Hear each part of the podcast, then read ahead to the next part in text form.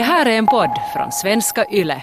Hej och välkomna till Eftersnack. Det här är programmet där Jeanette Björkqvist inte nyser och hostar. Välkommen med. Med att det kittlar lite i näsan. Ja, jag sa just precis före vi började att det blir såna här psykosomatiska grejer. Att bara för att man vet att man inte borde nysa så börjar det såna här kittla alltså utan att man ens har någon förkylning. Ja. Har du nyst idag? Jag, jag har nyst en gång. Uh, nej, men jag hade så där att det kittlar lite i näsan. Ja. Men det var, alltså, det var inte för att jag är förkyld utan för att det liksom är någon sån här att, att Men satte du fingret sen in i näsan? Nej, jag vet, du brukar inte hålla det där. Jag förvarar det på andra Har du ställen. aldrig fingret in i näsan? Nå, sällan. Okej, det, då vet vi det. Maria Waström är med idag, inkallad från Ingo. Välkommen med. Tack, tack, tack. Hur, hur mås det?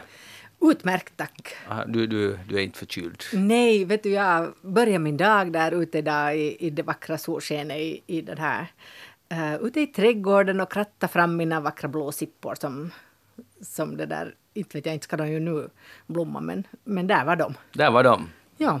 friska och krya. Jag heter Magnus Lundén. Programmet är alltså Eftersnack. Vi ska tala om veckan som gått. Och det där.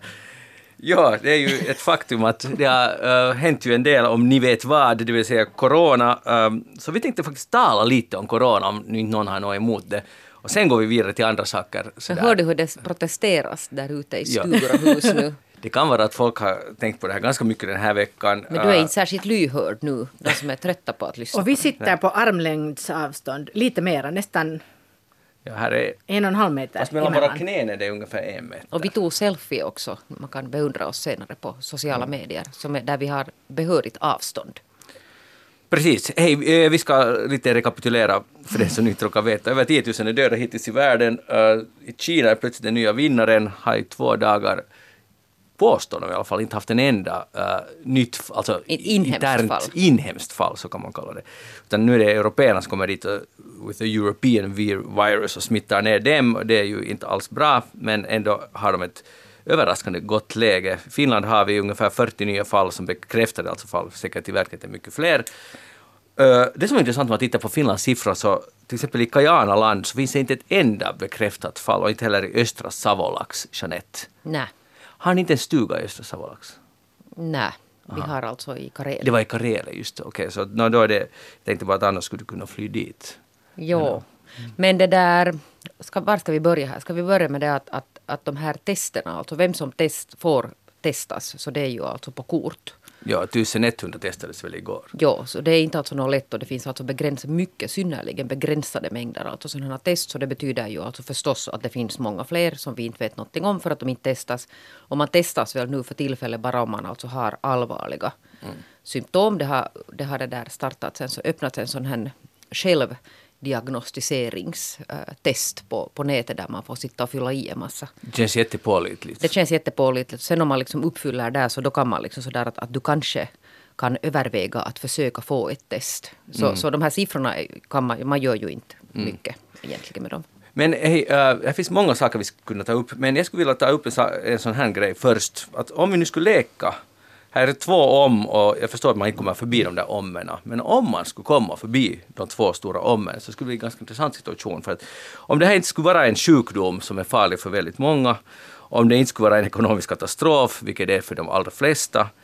så är det här ju en otrolig möjlighet som har tilldelats oss. oss. Och man, man, jag börjar fundera på att man ska vara lite försiktig med vad man önskar, för att jag tror att de flesta av oss har gått omkring och önskat att jag skulle nog jag skulle nog behöva mera tid. Jag skulle vilja ha tid, mera tid med barnen, jag skulle vilja ha mera tid att eh, fixa mitt fotoalbum från barndomen och, och jag skulle vilja ha mera tid att gå på länk och så vidare. Och nu plötsligt så finns ju den här möjligheten, i alla fall att umgås med sina Ja, det- nära och kära. Ja, det finns alltså eh, i sådana fall att man är permitterad till exempel. Mm. Men nu är ju alltså förutsättningen för de flesta ju det att det är ju meningen att man gör alltså distansjobb. Att inte det är ju Mm. någon semester vi lever med nu.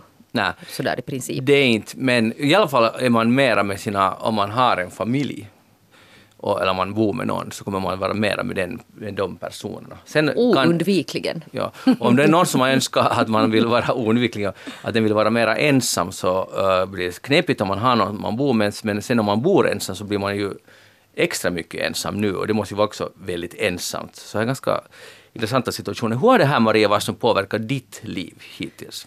Ja, det är ju så att jag har faktiskt jobbat ganska normalt den här veckan för att äh, med, eh, med såna här journalistiska uppgifter. Så att eftersom jag ju har det här eh, dubbla jaget så att säga, att jag har både ett jordbruk och, och journalistik som jag jobbar med, så eftersom inte den här högsäsongen för jordbruket har börjat ännu så har jag då varit mera inkopplad på det här med, med journalistik. Och där har jag faktiskt varit ute bland människor och haft eh, så att säga sändningar också utom hus och, och bland folk. Så egentligen så har det inte förändrat mitt liv så väldigt mycket förutom att jag märker att eh, jag måste köpa väldigt mycket mera mat när jag har så många där hemma. Mm. Eller det är ju inte så hemskt många men det är redan två eller tre mera än vanligt äh, äter otroligt mycket mat. Men, mm. det, men det är ett ganska litet problem. Ja, det låter som Det är ju ett litet ekonomiskt problem kan det vara för många. Men, men ja, att... no, det kan hända. Och sen har jag dessutom allt möjligt gått till min frysbox. Så det är, nog, det är inget stort problem. Men att förstås kanske sådär personligen så tänker jag mest på mina föräldrar som ju är då över 70 eh, och som jag dessutom bor, bor alldeles eh, bredvid. Så jag träffar dem vanligtvis varje dag. Och nu har jag nog också träffat dem, men på lite längre avstånd och oftast utomhus och så här. Men att, eh, jag menar det är ju kanske just med tanke på de här eh, som, som tillhör någon slags riskgrupp som, som man är orolig. Mm. Jeanette, hur är det med dina nerver nu då? Nu har du fått umgås med familjen den här veckan. Tre dagar. Tre dagar har du överlevt. Hur har det gått? Nå, no, det där vi gjorde så att vi flyttade, vi evakuerade oss till Barsund faktiskt. Så jag har också hållit till där nu i Ingo. Skogen vid havsstranden. Och nu har vi ju då haft alltså... Idag, det låter ju inte så farligt. Nej, idag är alltså dag tre av hemskola. Och som min dotter konstaterade i morse när jag inte helt, alltså ganska sådär lättad körde iväg till Helsingfors så sa hon att nu ska pappa vikariera mamma. Mm -hmm. Okay. Ja.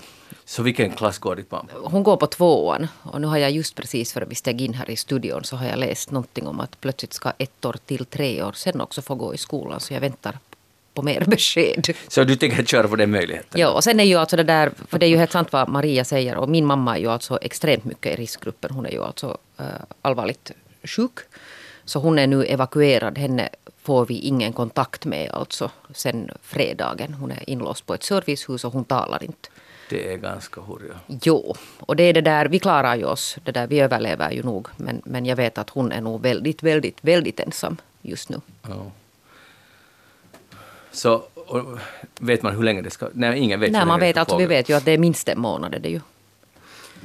Okej, det där, uh, no, hem, hemstudier, det är, ju, det är ju det som alla det snackar ju, om, alla som har barn snackar om det här. Det är ju intressant. Jag, jag, tycker att det här, alltså, jag, du, vi har alltså, i, min yngsta går på uh, sjuan, så det där, nu, nu får de uppgifter och de här tre dagarna, det har varit enorma mängder Aj. uppgifter. Ja, det har varit alltså, han är helt lite, stressad. Skicka lite till oss för att vi verkar inte få riktigt några uppgifter alls. Är de, går, no, de går sådär ganska smidigt på under tio minuter. Va?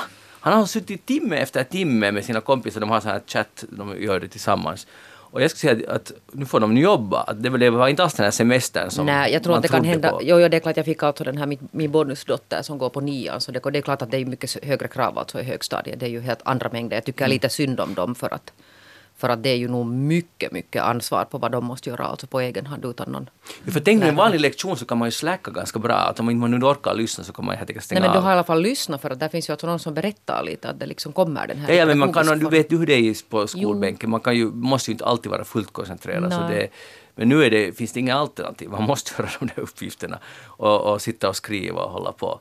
Maria, hur är det hos er? Uh, alltså det som jag tycker är skönt när barnen är lite äldre, just att de, de klarar det på egen hand så att säga. De behöver inte mig som lärare där. Och det är ju säkert tur både för dem och för alla andra. Men, uh, men det har jag nu förstått när jag har talat med, med andra föräldrar att, att det skiljer sig väldigt mycket mellan skolor och mellan lärare. Det är klart att en del har liksom en det verkar som att de skulle ha en självklar talang för det här. Hux flux på liksom en mm. dag så, så förstod de hur det skulle skötas och hur de skulle äh, liksom fixa den här situationen och hur de skulle också äh, förhålla sig till, till barnen. Och sen med den andra har jag förstått kanske inte haft riktigt lika lätt med det. Och det förstår jag. Alltså det är ju verkligen inte någon, någon enkel sak som man kanske inte alls är förberedd heller på. Så att jag tror att det är ganska kraftig variation här mellan, mellan skolor och mellan lärare. Ja, och jag tror att det är säkert, man måste ju alltså ge lite förståelse också för att det är en helt ny situation för Ja. alla. Så om nu inte alla har fått igång det, vilket ni tydligen Magnus, där i, från er skola har fått, men, Ja. men de som inte har kommit igång så, så det, det kommer alltså. Jo, men det måste också vara jättesvårt att, veta, att ställa om, om på några dagar, att, att veta hur mycket uppgifter man ska göra, hur ska jag sen korrigera? Alltså jag menar, allt är ju nytt, så Ja, att lärarna är en ganska intressant situation. Och att formulera alltså de här uppgifterna. Alltså någonting som du hade själv planerat Ja. alltså i din undervisning och plötsligt ska du omvandla det till någonting som eleverna själva kan göra, alltså på eget initiativ. Så, så man måste ge, ha lite förståelse. Men det som ju är skönt nog i dagens läge med den här tekniken, att, man också, att det är inte bara det här att man ger uppgifter och så får de fixa, utan det går faktiskt att ordna ganska långt också eh, undervisning, så att säga. Att, eh, att man kan liksom se varandra i, i olika då, appar och skärmar och, och så här. Att det går liksom att kommunicera på ett helt annat sätt än bara för tio år sedan. Eller nu är nog fanns det hur skulle det här också för tio år sedan. Men Men, hur skulle det ha funkat alltså med, med sko, stängda skolor för, vi säger för 20 år sedan? Mm, det skulle nog för vara att helt annorlunda. Det fanns ju förut korrespondenskurser man fick i brevet, men det skulle inte, per brev olika uppgifter, men det skulle inte funka. Om inte man skulle få gå till skolan och få sina uppgifter så man skulle kunna ringa in dem på någon telefon på något sätt. Men hur- skulle man riktigt ha fixat det? Med Mm. fax? Och då tar du alltså sådana att det finns klasser med 30 elever så skulle läraren då ha hållit på och ringt alltså till 30 elever. Ja, jag, jag Som inte svarar på sin trådtelefon. Ja. Sina, jag menar alla har, eller nästan alla har i alla fall någon slags eh, verktyg hemma som man kan använda. Nu ja, ja. Men att då var det inte på det sättet förstås. Nej. Hej, veckans goda finlandssvenska nyhet är, är ju det att eh, både Sixten Korkman, alltså från högsta ort, Sixten Korkman, Korkman och Miriam Kalland har båda skrivit eller uttalat sig om att vi kommer att fixa det här, alltså som nation. Så jag skulle fråga dig Jeanette, har du den samma känslan? No, ja, det har jag verkligen och det skulle jag ha haft oberoende av vad de säger. Men vad är alternativet alltså? Ja, Det exakt. är, exakt, det är bra poäng. Så det här, vi fixar det här. Men det är klart vi fixar det här. Alltså jag tycker att, att det som är på något sätt så otroligt utmärkande för just den här situationen är ju det att, att den drabbar oss alla så väldigt ojämlikt. Att många har nu inte kanske så jättestora problem med det här. Och, och för en gångs skull faktiskt, vi som bor på landet har det ju bättre ställt än andra.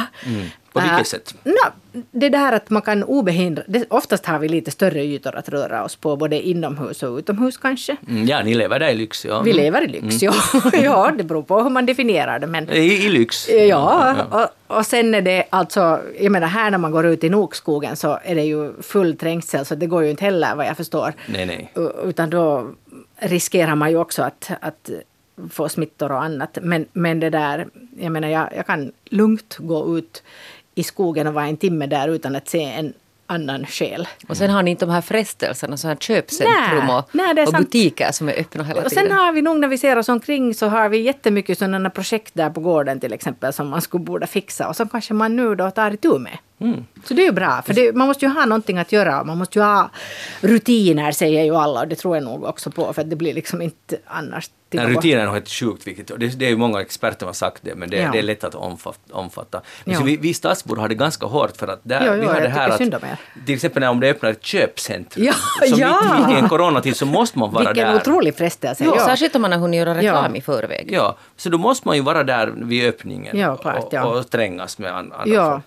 Och, och om, eh, det har ju också nu visat sig att de här skidcentren, nu kommer det ju nyheten att några stänger om en vecka, men jag förstår det för det är säkert många som har bokningar färdigt, men att både i Sverige och Finland så är de, de har lika mycket turister som vanligt, om inte till och med lite fler än vanligt. Och det var en artikel på Sveriges Radio, eller ett inslag, där eh, det visar sig att folk eh, om skolan stänger så har folk stuckit dit, de distansjobbar på kvällen, skidar på dagen, barnen är i backen, allt är bra. Och de, de far dit och, och ganska obekymrat. När det annars är sådär att hej, håll social distans och, Ja. och, och umgås inte för Människor mycket. tar det ju nog på ganska olika allvar det här, Ja. kan man lugnt säga. Det där, jag, eh, det, man, man, jag tycker själv att det är så otroligt uh, splittrat inställning. För att, för att å ena sidan det är ju, det är fruktansvärt alla vi börjar nu från frilansare upp till egenföretagare, till småföretag, till större företag. Folk blir permitterade, ingen, inga, ingenting produceras, ingen köper någonting. Det är på ett sätt en, det finns en god sak också med det, men konsekvenserna är hemska för så jättemånga människor. Nej, det är den här negativa, som är ganska, verkligen illa och ingen vet ju ännu hur det riktigt ska gå. Men sen går man ut i Centralparken i Helsingfors till exempel. På helgen var jag och springa. Och det var fullt av barnfamiljer, folk umgås, alla är ute i naturen och det, jag blev ganska glad när jag ser, ser det. Och sen mm. igår var jag, kväll var jag på stan och gick runt Tölviken i Helsingfors centrum, fullt med människor. Det var nästan rusning, folk som är ute och hurtigt och går med sina barn eller med någon kompis. Men nu är det ju Men det också sorgligt att det ska krävas en sån här liksom, kris för att folk ska börja gå ut i skogen eller, eller i parken tillsammans. Exakt, men att det var den där parksituationen nu som tydligen där i Tyskland ledde till att nu alltså inför man sådana hårda sanktioner, alltså sådana utegångsförbud. Ja, och, och det där är ju skräcken, mm. alltså helt på riktigt. Uh, jag förstår inte att länder klarar det. Det är klart man måste ju klara det för det finns inte något alternativ, men, men Uh, om, om det nu skulle komma så kallat utegångsförbund, som inte är riktigt utegångsförbund, men i princip man ska hållas inomhus. Om det kommer till Finland, så vad, vad säger du då Jeanette? Alltså det är ju den, verkligen något worst case ja. scenario. Men det är inte omöjligt. Att om, om man inte får, nu, nu är det ju inte så många nya fall per dag, men det kan ju plötsligt skjuta i höjden. Nej, men jag kan säga att det, där, det är många saker som verkar alltså hända för att människor är så... Uh, det är så mycket känslor mm, i gungning just nu. Och det, där, och, och, det tog ju inte alltså, jag vet inte hur mycket ni hänger där på de här sociala medierna, men jag som nu hänger där, jag, jag ska snart stänga av alltihopa för att jag får fel i huvudet alltså av att, att följa med de här sociala medierna. Men det finns ju den här nu de här privatpoliserna då som har börjat bevaka andra.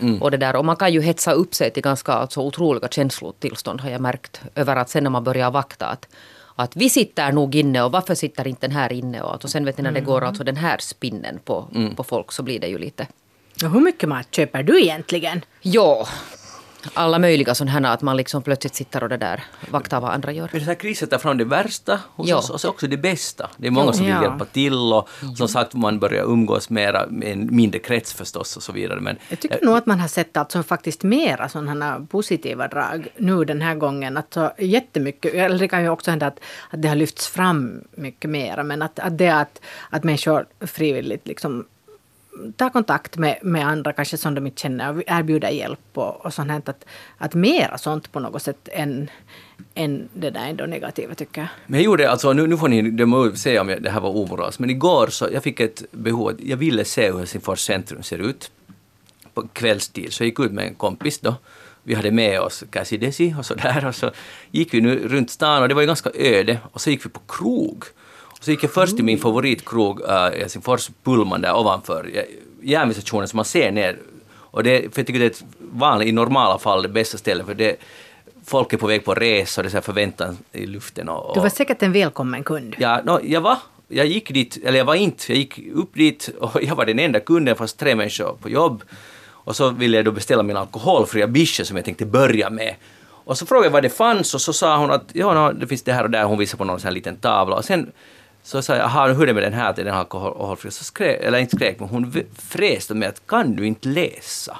Och, det där, och så, jag, blev, alltså jag tappade helt det. Jag blev så jävla arg på henne. För jag, tänkte, jag sa till henne, titta omkring och tycker att ni har jättemycket kunder. Att har du liksom råd nu att hålla på så här med din enda kund? Så flinade hon på ett uh, fånigt sätt och så gick jag ut i protest därifrån och där blev de ensamma.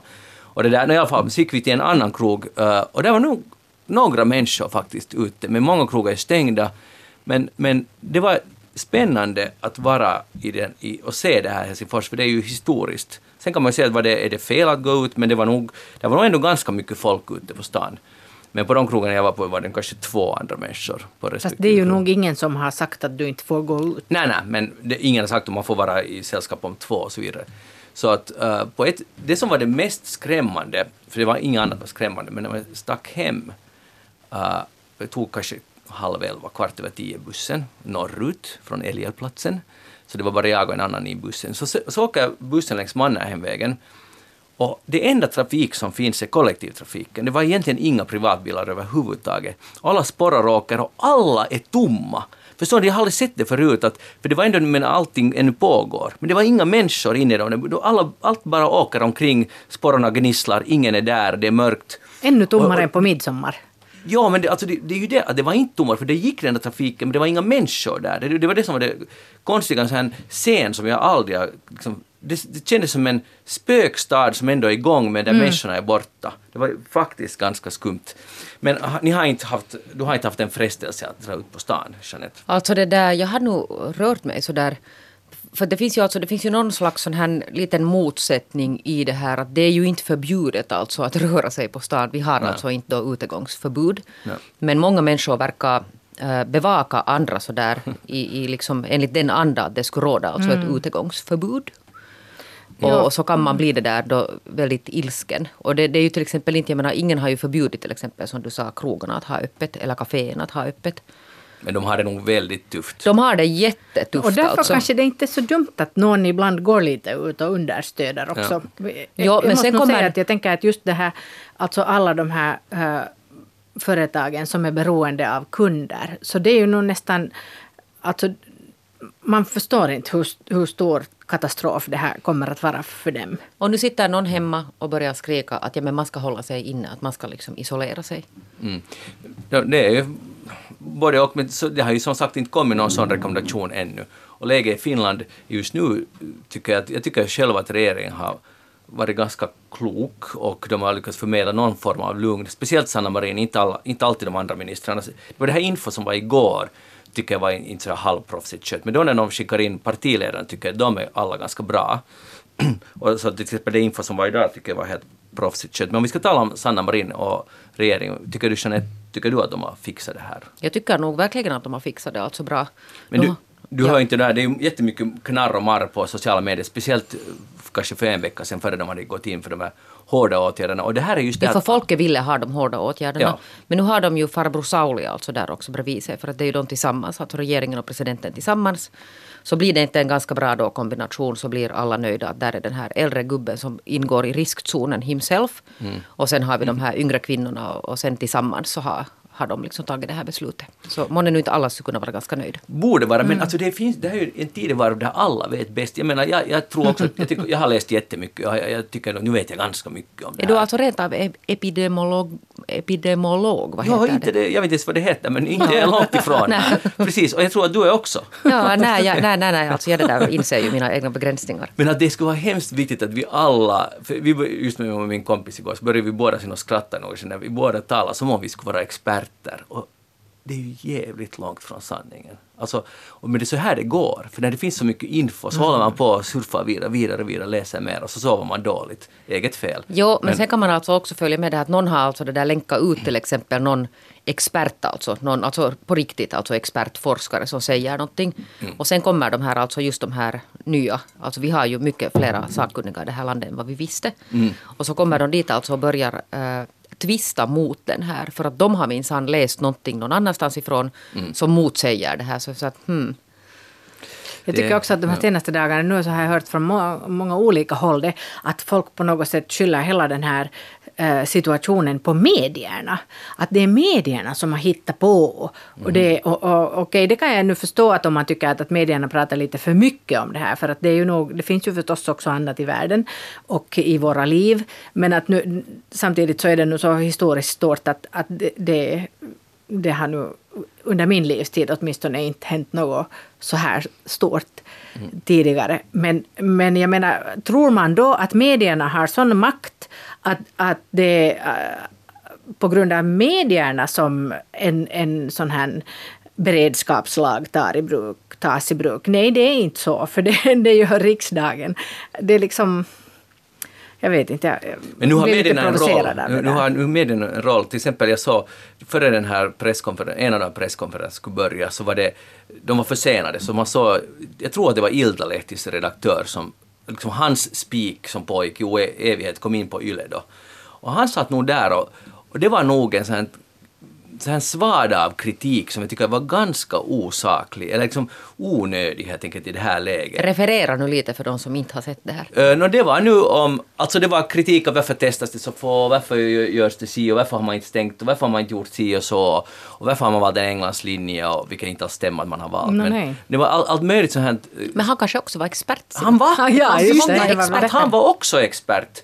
Och, och jag tror att det politiska trycket blev så hårt på regeringen att de känner att de måste göra något. Jag tycker nog att de här åtgärderna var, var helt kloka. Man måste ju tro på att det är baserat på experter, vilket de säger att det är.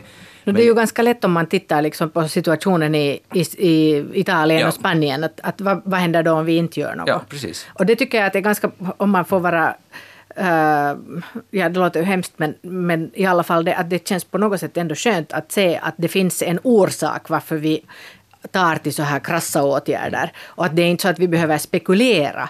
Att kanske vi skulle klara oss helt bra utan att göra, vidta sådana här hårda åtgärder. För att vi har det här exemplet. Och vi har ja, men någonting måste ha gått väldigt snett i Italien också. För att man sen jämför Italien, nu blir jag expert igen, men Italien med, med Kina.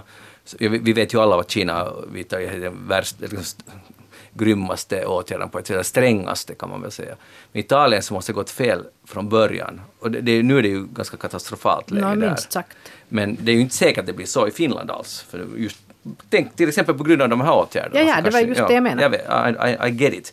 Det där, uh, Okej, okay, så ni, vi har förtroende för regeringen trots att Trots... Ja, alltså stundvis så pendlar man nog. Jag måste säga att jag själv också tänker att, att, att ska det löna sig att offra allt detta mm. för liksom alla dessa människors inkomster och, och, barn som kanske far illa hemma och mm. alla hemskheter som det också kommer att föra med sig. Att kommer det att vara värt det? Men antagligen just när man ser då på att, att om alternativet är en sån situation som de har nu i Italien så kanske det faktiskt är värt det. Jo, och det är ju så att säga tusendollarsfrågan som jag, tror inte att någon egentligen kan säga att den vet svaret på det där, för vi vet inte vilka konsekvenser Nej. Nej, jag hoppas att ingen säger att den vet det här svaret, för jag tror att det här facitet finns alltså inte. Nej, facitet finns inte. Men det som vi vet är att i svininfluensan så dog det upp till typ mellan, det här var vad jag tog från någon källa, men mellan 150 000 och en halv miljon människor dog i svininfluensan. Då hade vi inte en enda karantän. Säkert någon karantän, men det var inte sko inga stängda skolor. Det skulle någon, någon också borde analysera uh, skillnaden i vår reaktion, uh, hur samhällena har reagerat då och nu. Det är ju också jätteintressant. Att då, det var ju panik och oro, men vad jag minns som hårdaste åtgärden var ungefär att, att i, jag kommer ihåg min sons fotis, så fick de inte skaka hand efter matchen. Men allt, alla träningar, alla matcher pågick som vanligt. Det här är delvis en allvarligare sjukdom, jag tror att dödligheten är högre. Men i alla fall uh, dog det, vad dog det, över 56 människor i Finland dog då. Och nu har vi inte, i alla fall ännu, lyckligtvis, ett enda dödsfall i Finland.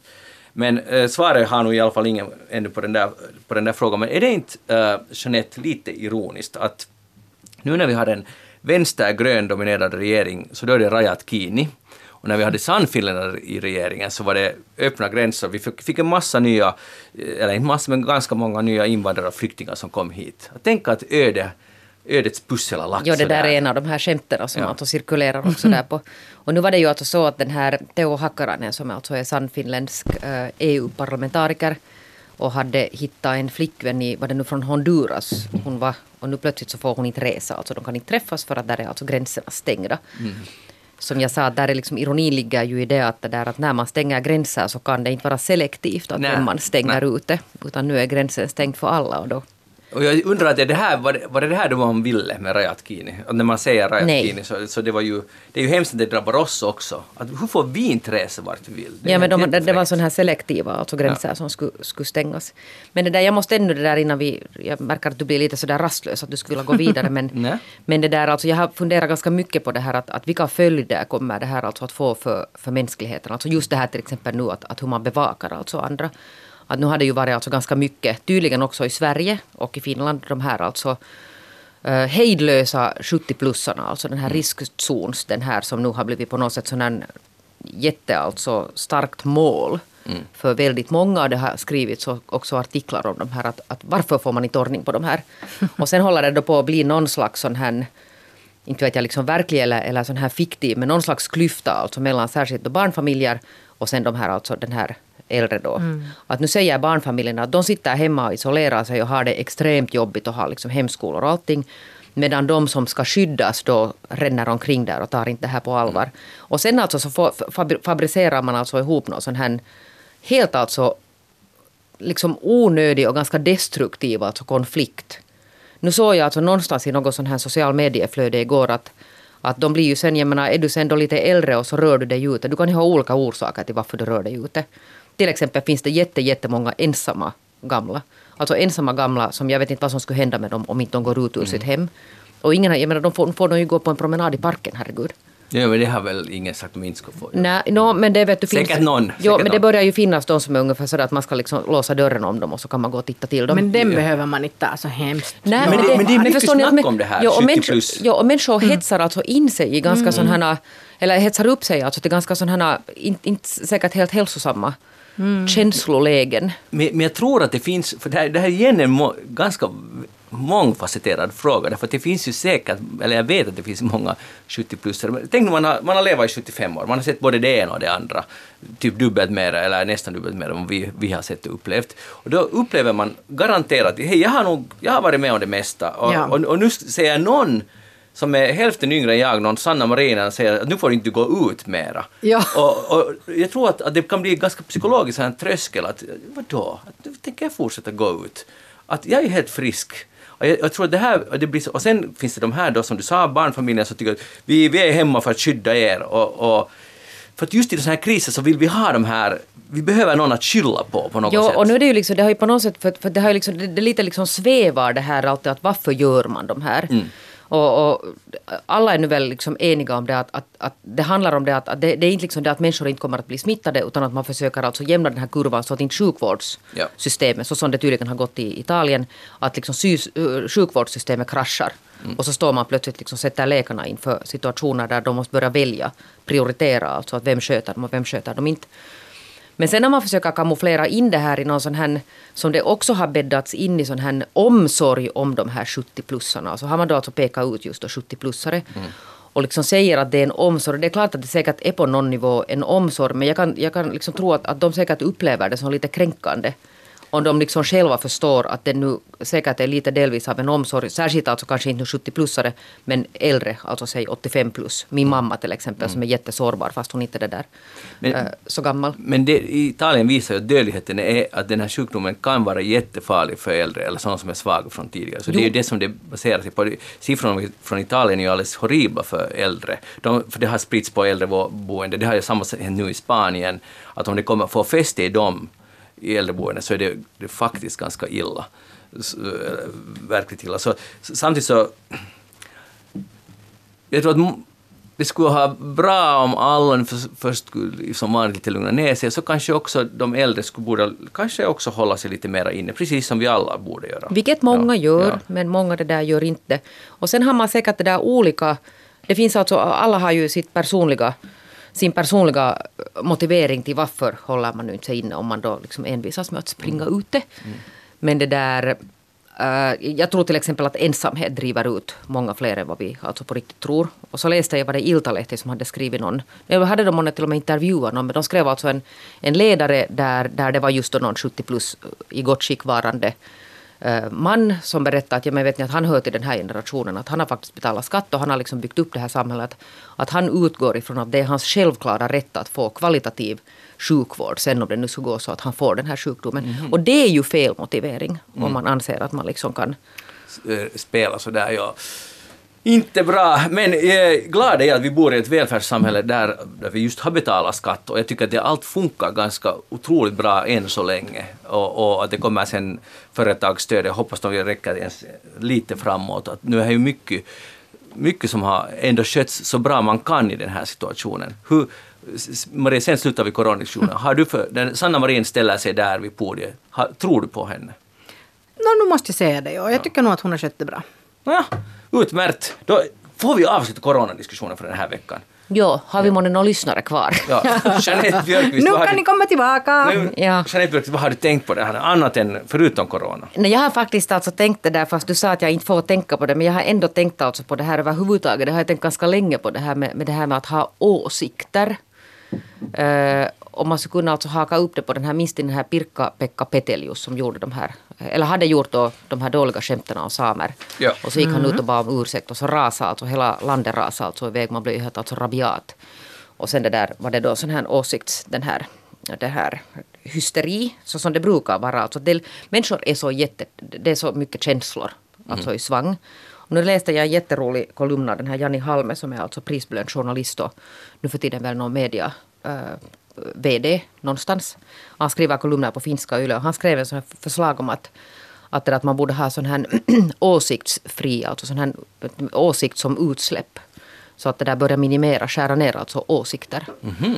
i vårt land. Och jag tycker att det låter som en jättegod idé.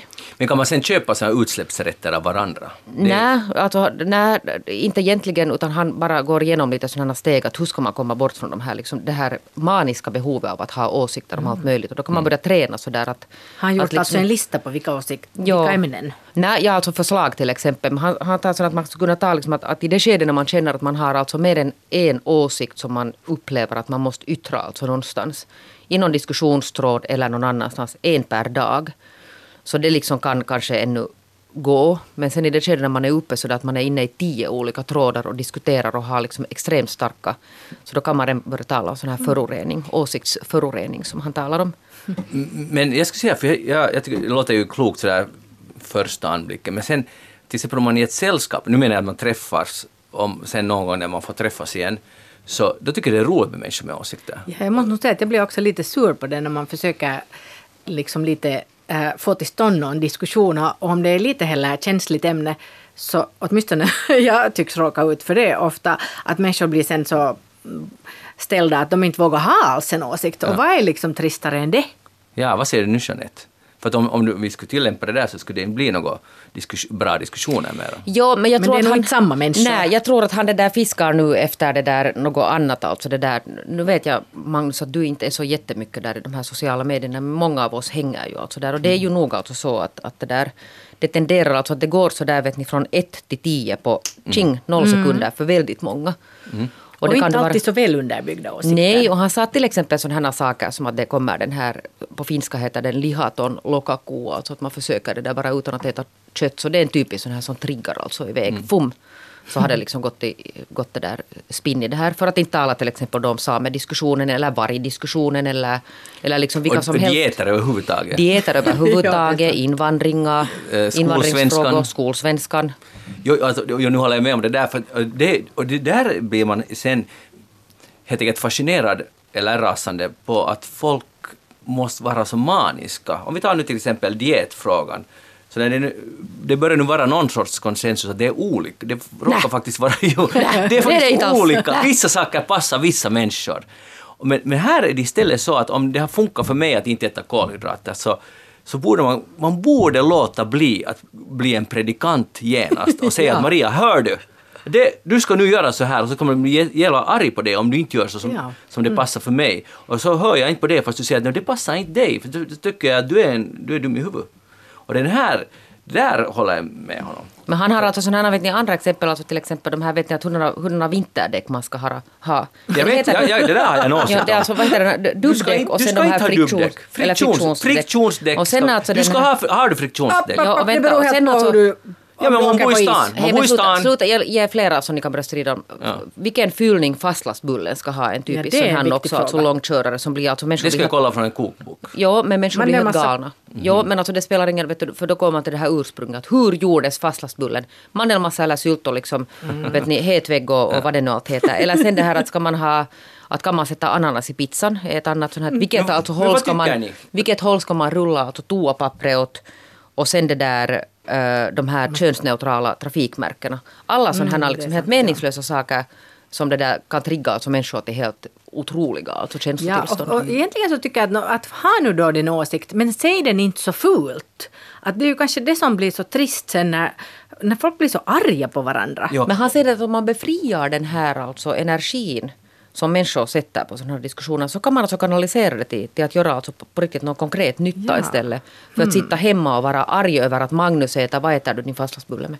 Jag har ingen aning. uh, för jag har, jag, jag, Va? Jag, sa, du, sa du sylt eller mandelmassa? Du? Mandelmassa. Ja, okej, nu kan vi börja strida här. Ja. Och så kan vi alltså ägna hela resten av programmet åt att börja mm. kinna, för att jag tycker ju då om sylt och hon är mandelmassa. Mm. Och här är alltså upplagt nu. Har får, fel. får jag fråga, jag vill veta vem som, varför är sylt bättre? Men vet du det är en smakfråga. Har du hört om sånt? Men, en del tycker att ananas på pizza är gott och andra tycker att sylt i mandelmassan är gott. Ja, men, det, sylt i hur, hur har fastlagsbullen ursprungligen gjorts? No, den har ju gjorts säkert med mandelmassa. Ja, så då är jag nog lite på Marias Nej, Alltså, det men är måste man ha, det är så att, att måste man ha jättestarka åsikter om precis allting? Eller du- finns det alltså sådär att man ska kunna fokusera att vad är viktigt? Coronan kan man ju kanske inte heller så ha. No, jo. Mm. Där finns många åsikter. Men, men får jag, Mm. för jag, jag vill tillägga här, om jag får. Att det som gör ju åsikter intressanta är att lyssna på andras åsikter och försöka förstå varför en annan människa tycker så här. Och det tycker jag att det borde man försöka sträva efter mer. För det är ju Men då måste det finnas en motivering. Jo, det- Oftast finns det ju inte. Nej, nej, men i en, i en bra diskussion när man sitter och snackar så det är ju det är extremt intressant att höra, ah, du ser, det är därför du tycker att sylt är bättre. Eller i ditt fall Maria, mandelmassa. Att förs- försöka komma underfund med varför det är. Så Eller åsikter är inte alls en dålig sak. Nej, men man kanske skulle kunna det där lite rensa så där att man skulle alltså det där, eh, fokusera sina åsikter på saker som på riktigt är viktiga. Det här att, Mm. att hur en människa äter sin bulle, så det kanske inte är den här världens största. Nej, men, men nu måste man ju få ha åsikter om små saker också, för det är ju humor. Alltså det är ju inte, det är ju inte för in världen framåt. menar, det är inte alltså Men, det där man, humor men kanske det här. är just det att man inte borde få ha så jättemycket åsikter om hur den andra ska tänka och tycka. Nej, exakt. Ja. Bra, tack för det. Kloka ord. Och uh, köp dubbdäck om ni bor i Helsingfors. Ma- Maria Waster, vad har du tänkt på den här veckan? Ja, jag kan ju inte säga att jag har tänkt på det här hela veckan, men det var faktiskt så att jag hade en diskussion med en väninna om namnsdagar. Och så kom jag på att det är ju faktiskt en... Det är lite trist att vi firar ju inte namnsdagar längre. Att, Tala för dig själv bara. Ja, ja no, faktiskt ja. Uh, jag tycker att, att vi borde liksom slå ett slag för, för lite uh, fler namnsdagsfiranden. Det är lite trist för de som inte råkar ha någon namnsdag. Exakt. Uh, jag har tyvärr själv fixat det så illa för båda mina barn så jag uh, skäms verkligen över det. Men uh, det var alltså så roligt att tänka på det att förr i världen så var det faktiskt så att, att man ordnade fest, alltså inte kanske så mycket när det var födelsedag, åtminstone i, i min familj var det också så, utan man hade namnsdagsfester och då, då behöver man ju inte heller våndas över att man blir äldre. Eller inte vet jag om man nu gör det, men de som gör det. Och sen, eh, uh, ja den här väninnan sa då att att hon hade också läst i några gamla gästböcker att det hade kommit då gäster från Helsingfors i, i vagn, häst med häst och vagn körande och sen förstås när de kom då så långt som till Ingo till exempel så stannade de kanske en hel vecka. För att fira namnsdag. no, kanske Har först, man haft namnsdag så där länge? först var namnsdagen, äh, först var det kanske orsaken och sen kanske de annars bara stanna. För det är ju så trevligt att umgås Just. när man kommer ut till landet. Det Ja. Så har det alltid varit. Att när man kommer från storstaden så stannar man länge. Aha. Men det har nog kanske lite förkortats nu. Och det kanske är helt bra också att det är så. Vill du inte ha stadsborna till dig? ja, men kanske Det just det, det är nästa gång du kommer där. så kan du nog, du får jättegärna komma, men kom helst inte för flera veckor.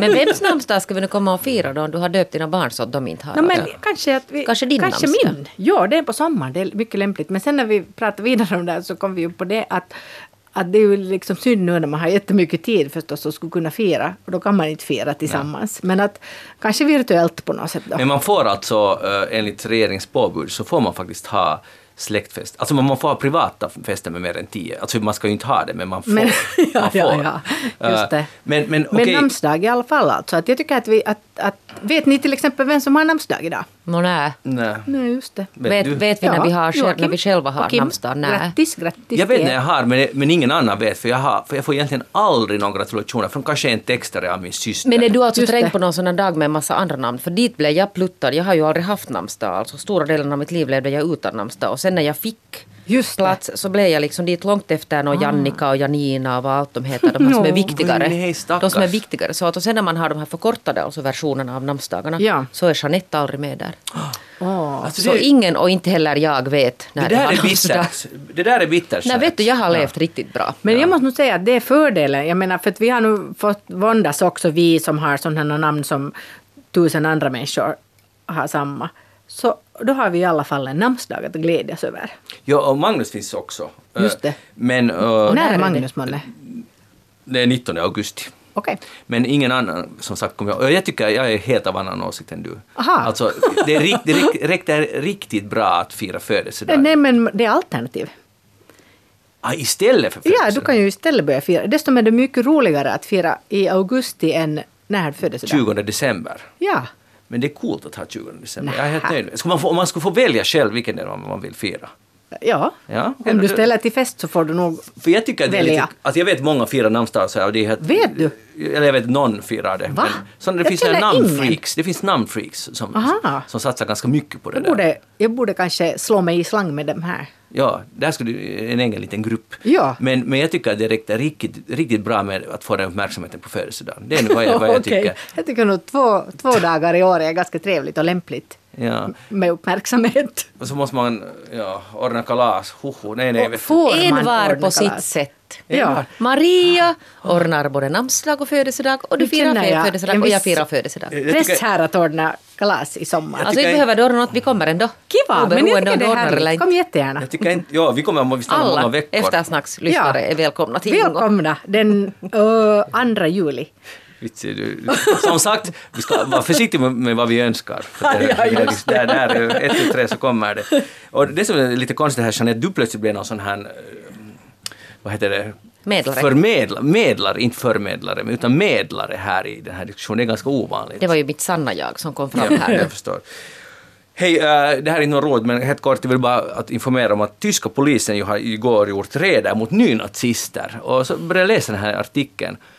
Och det, det var en sån här liten artikel, vet ni, där på längst under coronanyheterna. De har gjort en räd och de har över hela Tyskland, i alla i alla republiker, och, och så har de den där eh, de har liksom gått in för det är en organisation som beräknas ha 18 000 medlemmar, där de alla, för att vara med i det här så ska man då tycka att det här nuvarande tyska staten, den är inte legitim, utan det är någon sorts företag bara som driver Tyskland, utan det, det rättmätiga Tyskland är det rike som härstammar från 30-talet.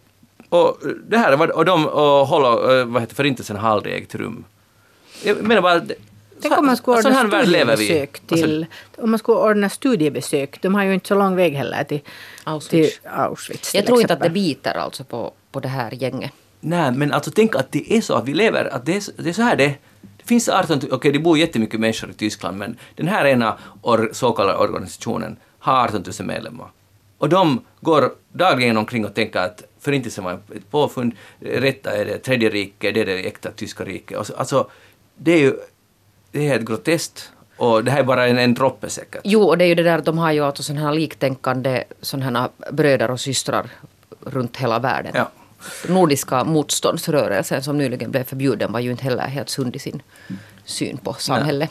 No, men det var bara en liten nyhetsflash. Hej, jag hörde en podcast. Det finns en, ett program som heter How, How I Built This, som är intervju, intervjuer med eh, folk som har startat företag och så vidare. Det är helt intressant att höra via många motgångar och sen lyckas man. Det slutar ju alltid lyckligt i det här programmet, men, men det är ett bra program, ett amerikanskt program på deras YLE, alltså NPR.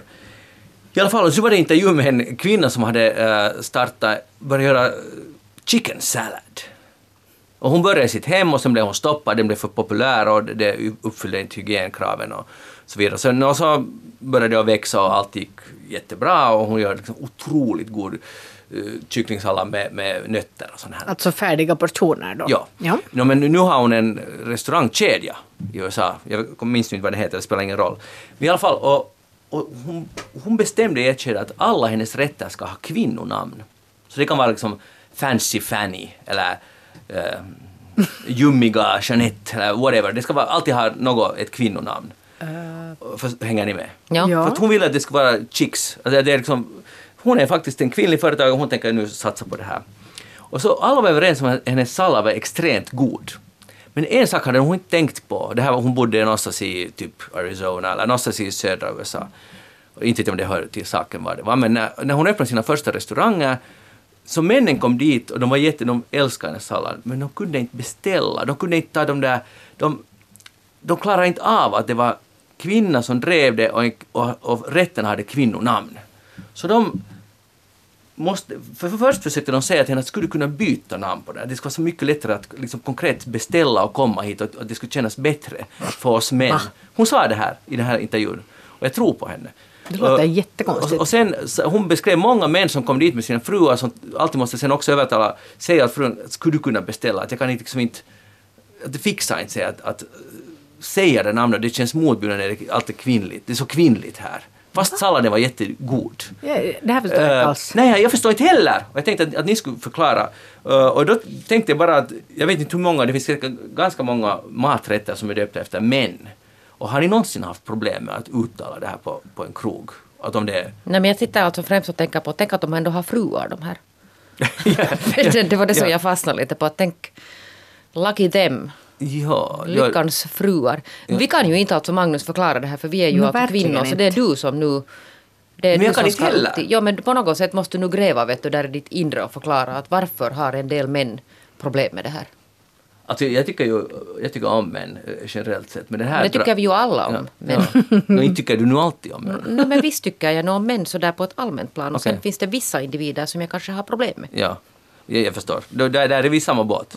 Men uh, om, om, om, om. Och vissa kvinnor jag också har problem med. Obs, Det är jämlikt. Det här är också i samma båt. Ja. men, men, men om, alltså, eh, försök analysera. Va, va, att, att sen när man ser så underlägsen, är, är det på något sätt jättekränkande att nu kommer kvinnorna hit och bestämmer vad vi ska äta? Alltså jag förstår inte den här logiken ens. Men var det, allt, var det så att varje kvinnonamn föregicks, alltså de hade någon sån här epitet, att det var Ja. just... Ja, eh, Fancy Fanny. Om, Ja. jag, om jag minns att det hette en rätt på det sättet. Och det här gick inte att beställa. Nej, men ni har, du har ingen analys. I- Absolut om, du tar, om du gräver i din livserfarenhet, så du vet inte alls vad skulle det här kunna bero på.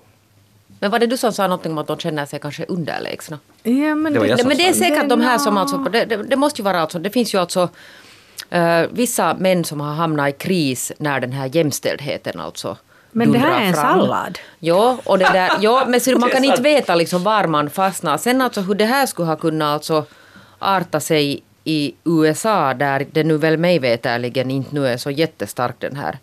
Jag menar de har ju ingen kvinna kan man ju lugnt säga i landets ledning. Och de kommer inte att ha heller. Eller är det, Det liksom någonting att de att, att, att eh, liksom, finns där någon korrelation mellan deras ledning och jag Ja. vet inte. Jaha, jag, jag kan helt enkelt inte där Ja. svara. Nå, Okej, nå, men eh, vi måste lämna den anal- analysen där. Eh, om vi ska tala om att folk är ju hemskt ensamma, eh, som vi har- var lite inne på här just. Och, och, och ni vet att den här, känner ni till Tula Visa? Som är också på, har varit på BBC, alltså hon som eh, jagar sådana här utpressare, sådana, sådana här som på nätet ger sken av att vara någon annan. Eh, till exempel att jag är en rik miljonär och nu vill jag bli ihop med just dig. Om du, om du, Ja, de där kärleks... Ja, det. Och sen småningom börjar man låna pengar och så vidare. Ni vet, ni vet allt det Jo. där. Ja. Nå, eh, nu finns det alltså en kvinna, så hon är själv eh, plus 70. Så hon har tagit som sin livsuppgift att avslöja de här bluffarna. Ja. Underbart. Och, och så här. ringer man till henne. eh, och det var i det här BBC-inslaget, hon har alltså varit i många tidningar i Finland, men nu är hon då världskändis. Och, och det var alldeles, det var helt fruktansvärt, men samtidigt liksom, så att säga sistigt, att det är, så- hon är lite så här privatdetektiv. Att hon sitter där vid Facebook och avslöjar de här bluffarna. Så, och hon ger ut sitt telefonnummer som förresten är 044 357 0994. Hon ger ut det till vem som helst att ring mig om ni har blivit lurade och jag, och jag kan berätta det att du har faktiskt blivit lurad och att det är så här, så här det har gått till. För där ringer folk och säger att han lovade att han skulle gifta sig med mig, att vi skulle, vi skulle träffas nu nästa månad och, och jag har lånat nu 25 000 åt den här. och Oj, nu är han borta. är. Att, att, vad kan ha hänt? Och så ber- berättar hon bara det, den hårda nyheten att vet du, du har blivit lurad. Att det är samma mönster varje gång. Och jag tycker bara att det är ganska tragiskt att det finns, att det faktiskt funkar att Ja. göra den här bluffen. Jag såg någon dokumentär, alltså på, nu kan jag tyvärr inte, jag kommer inte ihåg var jag såg det, men det var alltså på sådana människor som hade blivit lurade. Och det där var den här mekanismen, alltså hela den här att de är ju jätteskickliga, alltså de här som håller på med de här bedrägerierna. Och sen det här att när människor faktiskt, alltså när du är jätte, jätte ensam, Mm. alltså den här att, att, att underskatta aldrig alltså vad ensamhet kan alltså driva människor att göra. Precis. Att du är helt desperat, du har ingen och sen kommer det någon sån här krok och sen är det ju bara så extremt fegt och fruktansvärt att det finns alltså, det är klart det finns alltid alltså brottslingar, de är ju kriminella de här. Att hur man sen alltså kan ta fatt på, på människors svagaste punkter. Ja. Och de är alltså jätte, de är otroligt duktiga alltså. Sen känner ju människor sig korkade för att de har gått på det här. Och det är pinsamt. Jo, och det är pinsamt, men man måste komma ihåg att de är faktiskt alltså jätteskickliga. Det finns helt alltså den här mekanismerna hur de Ja. gör det. Och är du ensam så fall, men man borde bara liksom på något sätt om och om igen säga att det finns inga sådana här, det är liksom lurendrejeri alltid. Ja, och När, pengar, när man ska börja låna pengar så då ska man sätta Exakt, fast du skulle kunna bli en kanalen. ny Tuula Visa, för hon säger att, att det är direkt då när det kommer att, hej, att, Att jag, jag, jag är miljonär men jag skulle behöva 2000 euro nu Jo, bara. eller den här att biljett för att kunna resa, Ja. eller liksom någon sjuk dotter vad de håller på med. Ja. Som att jag har ett sjukt barn att jag skulle kunna komma men, men nu har jag alla de här, alltså det, det finns alltså helt system. I den sekunden så ska man mm, klicka bort det. Men Tuula Viss har berättat att den största eh, bluffen hon har, som någon har rapporterat till henne är på en halv miljon euro.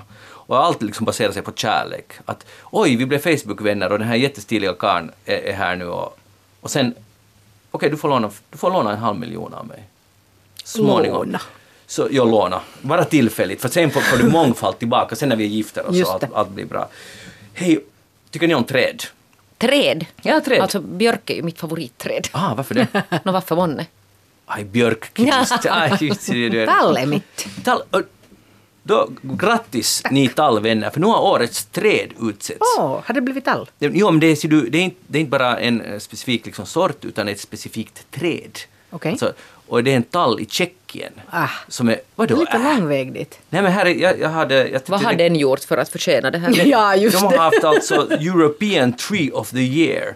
Och här är en bild som jag Jaha. tänker sätta upp på vår Facebook-sida. Där ser ni årets träd. Ja, men den är jättevacker. Oho, de ska Ja. ha farit ut i Men- finska skärgården och fått lite så här Nej, men faktiskt nu när ni säger det så jag vet ju ett nog ett ännu finare. Det är inte en tall utan det är en ek. Och den heter uh, är det Pavolan tammi som finns i Lojo. Och på Lojoön. Och det är faktiskt Finlands vackraste träd. Är det? Och det är så fint att man tappar andan när man går dit. Det, det, finns, eh, det finns en sån naturstig som man kan gå till. Så det rekommenderar jag. Det var ju ett bra tips. Ja. Nu när vi alla har tid att Ja, skogen. precis. Ja. Oj, där är säkert nu också alldeles för Inte många människor. Det, det finns plats i naturen. Men det är, det är ett verkligt vackert träd. Men- men och det det är många hundra år gammalt. En ek. Men konkurrensen skulle varit stenhård för det var många ekar i finalen. Och det här är ju helt otroliga träd. Och när jag bara, redan att se de här fotona så blir jag, alltså jag blir så betagen av på något sätt kraften och låt oss kalla det visdomen i, i naturen. Det, är helt, det är så mäktigt att bara se den bilden. Så det där trädet du talar om, det måste jag få kolla. Det är ju jättebra tips. Men årets träd är tjeckiskt och det, det andra var kroatiskt faktiskt. Det var många ekar. Eh, så ut i skogen, öppna en bok. Men far inte njut. samma skog. Det väl någon rusning hörde jag nu alltså. Ja, ja, Det men- finns skog så det räcker. Ta er lite längre bort. Och det är om något som kan. finns i det här landet så är det, Så är det skog. skog. Jo. Så det, där behöver vi inte alls vara oro, oroliga. Björkkvist. Jo, men det, det, det har kommit nyheter om att alla trängs nu, som, som Maria sa, i Nox. Gå någon annanstans också. Och Jeanette Björkqvist, tack för att du var med här idag. Hatsjo. Maria Wasström, tack för att du var med här. Jag heter Magnus Lundén och eh, Eftersnack finns också på arenan och där finns också många andra fantastiskt eh, fina svenska yle-poddar. Så det finns gott om program att lyssna på också i dessa kristider. Vi hörs igen om en vecka. Ha det bra. Hej då.